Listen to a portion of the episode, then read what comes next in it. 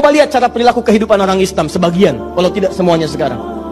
Semua pakaian itu dibeli, semua dikoleksi, padahal belum tentu dibutuhkan. Dan itu akan dihisap, akan dihisap. Coba anda pulang ke rumah, masuk kemudian perhatikan sekelilingnya, setelah itu balik ke kamar anda, buka lemari pakaian anda, cek.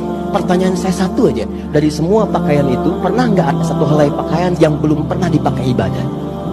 Belum pernah dipakai sholat, Saran saya segera gunakan itu. Nanti kalau Anda dihisap lebih ringan. Minimal pakai itu akan berkata kepada Allah, Ya Allah saya pernah digunakan untuk sholat oleh orang ini. Ini biasakan ketika Anda mendapatkan sesuatu yang baru, pakai dulu untuk ibadah. Ada baju baru, gunakan dulu untuk sholat. Sehingga hak Allah terpenuhi, gunakan itu. Jadi hisap Anda ringan, begitu dihisap kan mulutnya dikunci. Al-yawma nakhtimu ala afwahihim, atukallimuna aidihim, wa tashhadu, arjunum bima kadu. Ya